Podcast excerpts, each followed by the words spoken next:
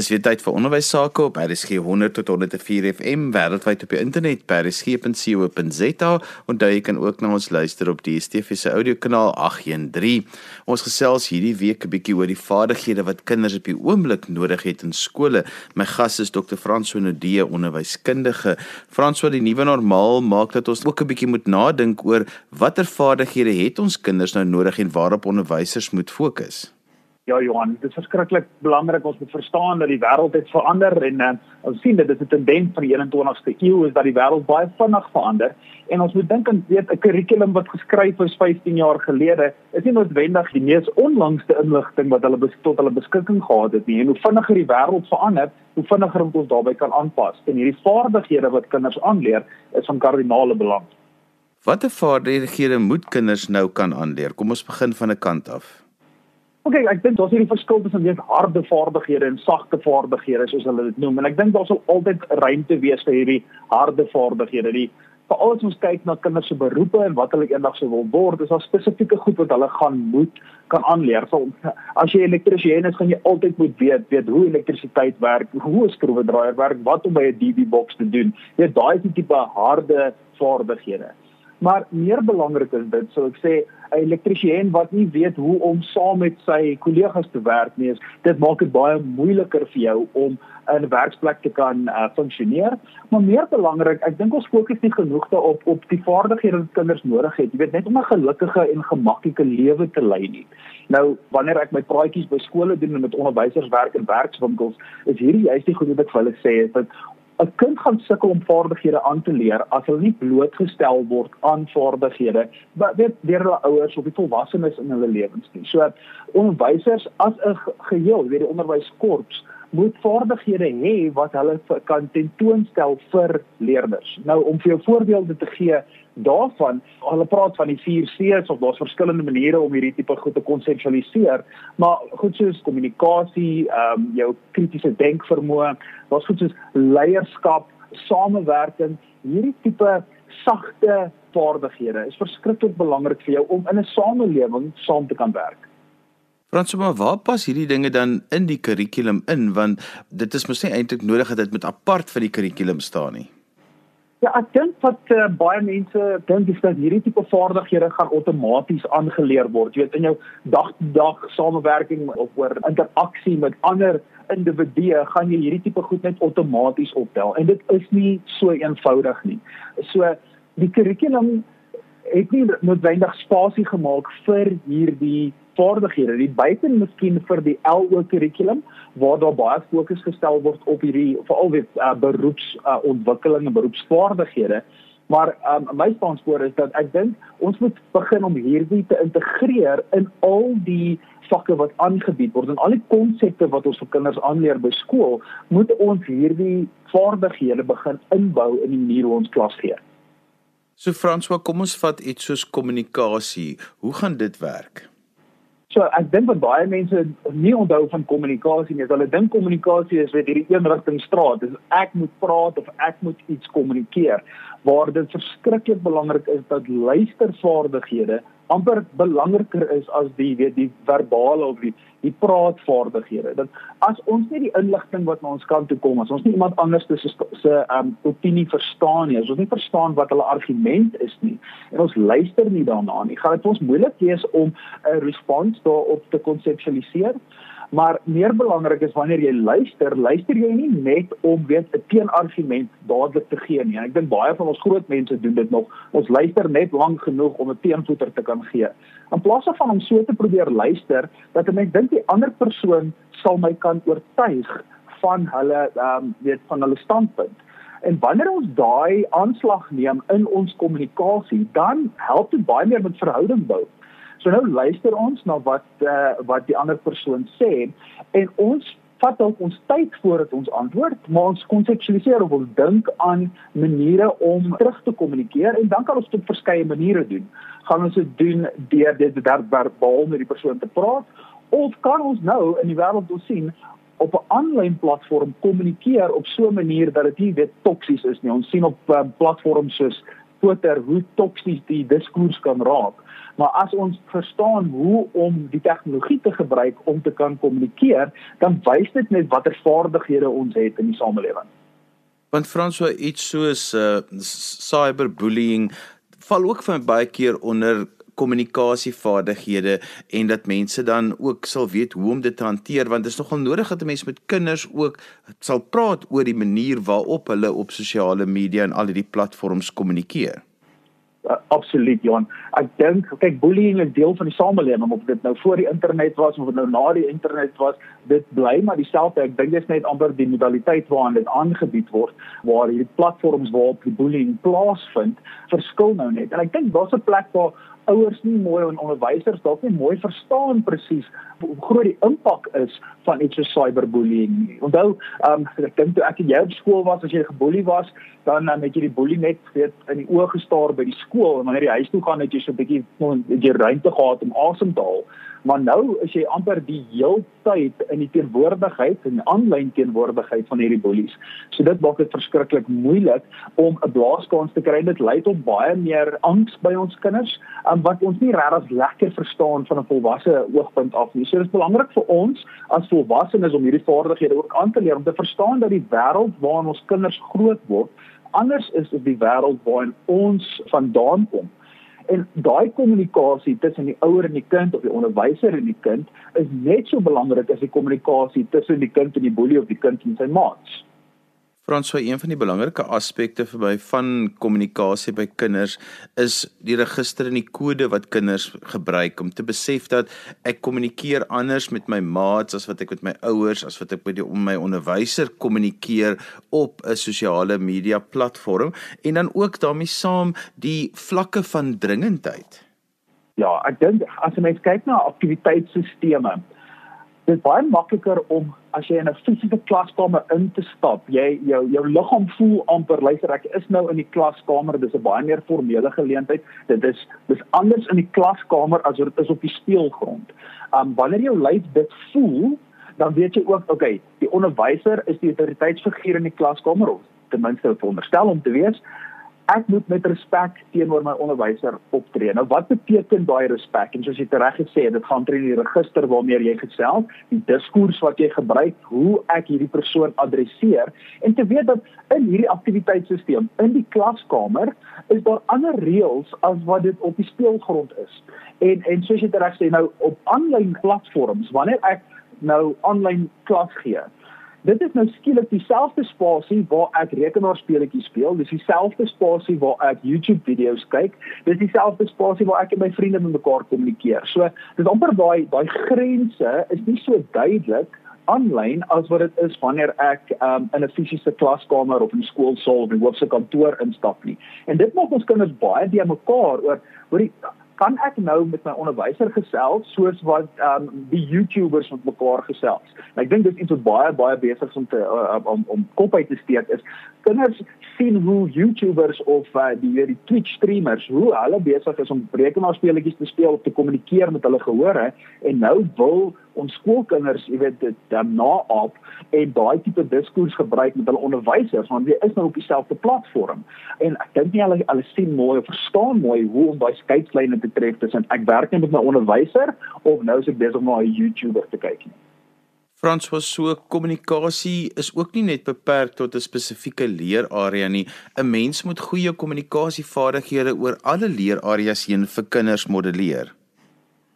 Absoluut ek dink vir lank was uh, die tale 'n groot uh, spasie gewees om te leer hoe om te kommunikeer en die taal waarin jy kommunikeer op die einde van die dag is baie belangrik. Maar as ek net kyk na die wetenskap klaskamer of wetenskap as 'n uh, as 'n as 'n domein daar's 'n spesifieke manier hoe om te kommunikeer. Daar's 'n um, spesifieke riglyne in die wetenskap hoe ons kommunikeer. Wat anders is hoe uh, mense miskien in die kunste kommunikeer. So daai daai vaardighede wat ons kinders moet wees om wel weer eens te kan onderskei dat die die taalgebruik of die strukture in my taal wat ek gebruik in wetenskap is anders as wat ek noodwendig gebruik in die kunste. En daai moet definitief gemodelleer word deur ons onderwysers, deur die ouers En um, ek dink ons kan ons baie meer um, hulp nodig om daai te verstaan. Waar die kurrikulum op die oomblik baie meer gedrewe is op die inhoud en ons moet help dat die kinders die inhoud weet. Wat eintlik maar maar nie nodig is nie. Dis hoekom ons die internet het. As jy wil inhoud weet, is dit op die internet. Die groot probleem is hoe onderskei ons tussen wat waar is op die internet en wat fopnuus is op die internet en hoe ons dit gebruik wanneer ons kommunikeer in die verskillende vakke. Ons gesels 'n bietjie oor vaardighede waarop onderwysers kan fokus hier in die nuwe normaal wat ons deesdae met skole ervaar. Frans, hoe kritiese denke kom nou al vir baie jare met ons saam en almal weet dit is belangrik, maar wat is dit nou werklik? kritiese denke Johan is die vermoë om die inligting wat vir jou tentoongestel is te analiseer en agter te kom presies wat is die agenda agter die inligting? Want die inligting is nie net jy weet vry van 'n spesifieke agenda nie. Ek dink ek gebruik die woord agenda dalk verkeerd hier. Maar jy weet daar's daar's 'n spesifieke doelstelling of 'n spesifieke milieu waarin die inligting um, aan iemand tentoongestel word. Nou jy kry inligting wat mekaar saamstem jy kry um, inligting wat teenoor mekaar staan. En ons moet kan onderskei tussen hierdie verskillende bronne van inligting en dan ons eie besluite te kan neem afhangende van die inligting wat ons gekry het. Nou as jy nie krities kan dink nie, as jy nie kan analiseer wat hierdie milieu is, miskien wat die agenda agter die inligting is nie, dan is dit maklik vir mense om net weet jy kry baie mense wat net die uh, opskrifte van artikels lees en dan dit gaan vertel as die waarheid of dit gaan vertel asof hulle die hele artikel gelees het of al die inligting het. So om daai besluite te kan neem, is hierdie nou 'n ingeligte besluit wat gemaak is op ingeligte inligting wat vir my gegee word teenoor inligting wat dalk nie so volledig is nie of net eenvoudig inligting wat nie die waarheid is nie. So daai onderskeid wat 'n mens tref is kritiese denke. En dit is hoekom dit so belangrik ook is dat 'n mens dit in alle leerareas sal doen want fopnuus en inligting wat nie korrek is nie is eintlik te van toepassing op alle leerareas en want as 'n kind op 'n YouTube kanaal gaan en hy kyk na iets dan moet hierdie vaardighede van kritiese denke onmiddellik geaktiveer word om te sien maar dit waarna hy kyk is dit regtig die waarheid absoluut. Ek dink die die uitdaging of op die oomblik is in 'n in 'n wêreld wat hulle praat van 'n post-truth world waarin ons leef is mense bereken het dat al die inligting wat beskikbaar is op die internet sou dit vir ons makliker gemaak het om die waarheid te leer maar dit is nie dit is nie die geval nie. Ek dink ons word so toegegooi onder soveel inligting dis baie moeilik om te kan onderskei tussen wat die waarheid is en wat nie die waarheid is nie. So een van die vaardighede wat kinders moet aanleer is om die bronne van die inligting te kan fynkom en te ag, kan agterkom hoe valid is die inligting wat vir my wat aan my getoon word en is dit veronderstel kom ons kyk na is die is die bronne wat daar gegee is is dit regtig uh, vertrouenswaardig as as ek iets um, uit die wetenskap beweer as ek dit kan noem as ek in 'n joernaal soos Nature iets sou lees dra dit vir my meer gewig as wat ek dit sê nou maar in die huisgenoot sou lees. Ons moet verstaan dat al hierdie verskillende uh, publikasie platforms het almal verskillende angles waarop hulle die inligting wil deurgee en hulle spesifieke gehoor vir wie hulle dit wil deurgee. Frans, kom ons praat 'n bietjie oor samewerking. Die Engelse woord daarvan is collaboration. Dan het ons nou maar al vir jare ook in skole gehad groepwerk en dit is ook nou nogal iets wat ouers se hare dadelik laat regop staan omdat so baie kinders so geïrriteerd is met groepwerk. Waar pas al hierdie konsepte bymekaar in? En ek weet kinders is ervaar dit nou nogal as 'n uitdaging veral as hulle 'n bietjie aanlyn moet werk en hulle moet nog steeds saamwerk. Ja nee, die uh, die groepwerk is maar 'n uh, uitdaging vir vele mense. Ek dink ons almal was al deel van 'n groep gewees waar ons die persoon was wat al die werk gedoen het en miskien was party van ons ook daai een lid van die groep gewees wat nie soveel saamgewerk het nie. Nou dis 'n verskriklike belangrike ding. Onthou ons as primate, ons as mense is sosiale diere ons kom in gemeenskappe bymekaar. Ons kan nie funksioneer sonder ons gemeenskap nie. Jy en jou gesin het, het 'n hegte band vir 'n rede. Dit help ons met oorlewing.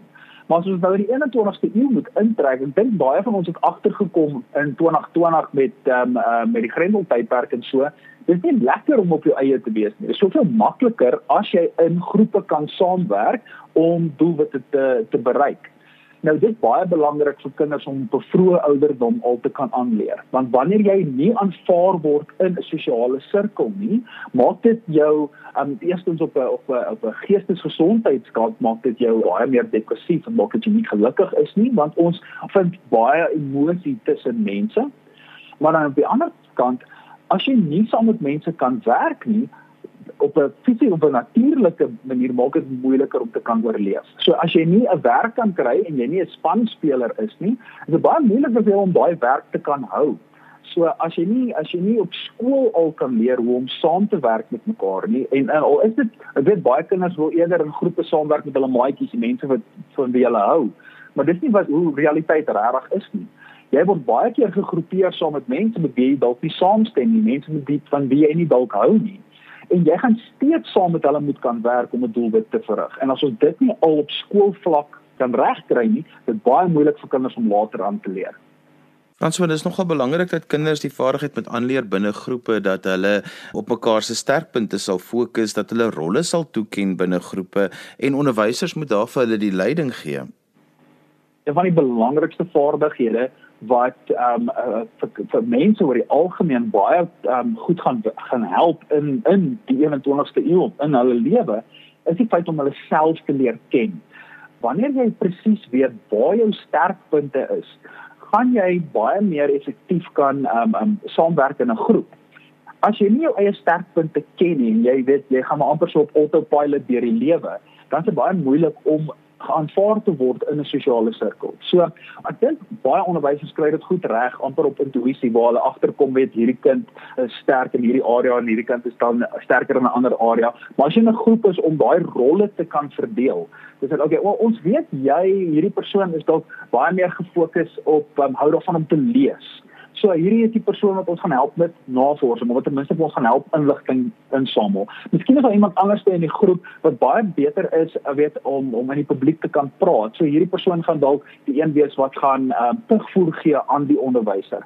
Wanneer ons daai sterkpunte geïdentifiseer het, gaan dit net vir ons makliker wees om hierdie spanne of hierdie groepe te kan vorm sodat ons hierdie spesifieke rolle het om die doel te, te bereik. François, watter rol speel onderwysers in leierskapsontwikkeling by kinders en dan moet ons natuurlik ook nou leierskap reg verstaan. Leierskap is 'n uh, baie moeilike amper amper sê dit is moeilik om om vas te vat wat leierskap nou eintlik is want wat een persoon soek in 'n rolmodel wat een persoon soek in 'n leier is nie noodwendig wat 'n ander persoon sou wou hê nie. Maar ons sien definitiewe vaardighede in leierskap wat dit vir ons makliker maak om weet saam met hierdie persoon te werk of hierdie persoon gaan ons help om ons doel te bereik.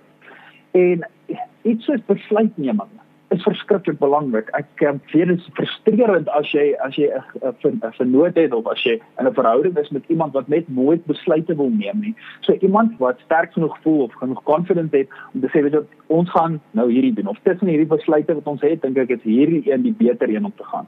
En om dan daai die kommunikasie en besluitneming in 'n groep te kan bestuur, jy weet om konflikte kan hanteer mense wat daai tipe goed makliker kan doen as ander, begin ons sien dat hulle het sterker leierskapsvaardighede as ander.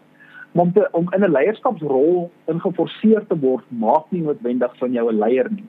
En ons onderwysers moet daai verstaan dat ek, ek dink weet vir ons graad 11 en graad 12 wat weet in 'n spesifieke leierskapsrol wat daai balkie kry en sê wel nou is jy 'n leier Nou, dit is nie noodwendig die leier wat aanvaar word deur die groep nie. Ons sien dit op soveel gevalle gebeur dat mense wat nie aangestel word in leierskap nie gesien word as 'n sterker leier omdat die groep daai persoon beter ervaar.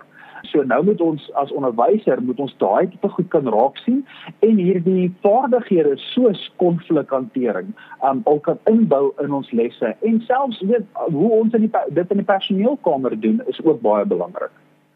François onderwys op die oomblik is oorweldigend as gevolg van die tydstoedeling wat ons het, die verandering van hoe die kwartaale gaan werk en al hierdie dinge en vir onderwysers om dan op hierdie sagte vaardighede te fokus, dit gaan verg dat 'n mens amper 'n kop skuif en 'n ander ingesteldheid moet hê. Definitief. Die manier hoe ons amper gedoktrineer is in die onderwys op die oomblik is ons het hierdie um high stakes toetse wat geskryf word aan die einde van die jaar vir al die matriek. Ons gaan nou sien in volgende week wanneer die hele land amper weer tot stilstand kom wanneer die um matriekresultate vrygestel word. Dan ons is so behept daaroor op hoe goed doen ons kinders in 'n eksamen. Wanneer op die einde van die dag dit nie so groot rol tel wanneer jy in 'n werksplek is nie. Nou ons ons word amper gemeet aan hoe goed ons matriek doen hoe goed ons kinders op toetse en eksamens en op en dit eh, dis alles inhoudgerig en baie min van dit is op vaardighede gerig. Solank as wat daar hierdie fokus is op hierdie assessment gaan dit baie moeilik wees vir ons om regtig 'n kopskuif te kan maak want ek dink nie daar's genoeg dryfkrag vir ons om dit te wil doen nie as onderwysers nie gaan verstaan dat weet jy wat vir die langtermyn welstand van die kinders in my klaskamer is sagte vaardighede baie belangriker as inhoud gaan dit baie moeilik wees om hierdie in die klaskamer te begin toepas. Franso en jou ervaring wat verhoed onderwysers om nie dit eintlik op te fokus nie die hoë werkslading wat op onderwysers op onderwysers geplaas word, um, is besig om onderwysers ge geweldig angstig te maak. Jy weet 'n onderwyser wil baie graag ook 'n gebalanseerde lewe lei en wil tyd saam met hulle familie spandeer en saam met hulle vriende spandeer. Maar die werkslading wat op onderwysers geplaas word op administrasie, op ehm um, jy weet die inhoud wat wat op die einde van die dag onderrig moet word, die buitemuurse aktiwiteite en dan nog die druk om weer professioneel te ontwikkel en dan daardie fondse beskikbaar is vir hulle om hulle self professioneel te laat ontwikkel en hulle uit hulle eie sakke daarvoor moet betaal maak dit ons onderwysers op 'n punt kom waar hulle sê weet jy wat ek gaan nou net genoeg doen dat ek nie in die moeilikheid kom nie. So ons hulle presteer nie so goed as wat hulle kan nie, maar hulle weet hulle vlieg so onder die radar net net sodat hulle nie in die moeilikheid sou kom nie, maar ook net sodat die kinders daarom weet nie te veel ehm um, ehm um, veragter nie. So 'n uh, onderwyser is onder verskriklike verskriklike druk in ons stelsel soos hy ontwikkel is dat ek dink nie daar's te veel dryfkrag om hierdie goed te wil doen nie. François skole met jou verder wil gesels, hoe kan hulle met jou kontak maak? Hulle kan gerus na my webwerf toe gaan. Dit is staysuper.co.za. En so gesels onderwyskundige Dr. Frans Wenodie en ons het vandag 'n bietjie gesels oor wat is die sagte vaardighede waarop onderwysers op die oomblik in skole kan fokus veral onder die nuwe normaal en waar ons op die oomblik 'n klomp uitdagings in die onderwys ervaar. Onthou jy kan weer na vandag se program luister as se pot gooi, laai dit af by resgep.co.za. daarmee groet ek dan vir vandag tot volgende week van my Johan van Lille. Totsiens.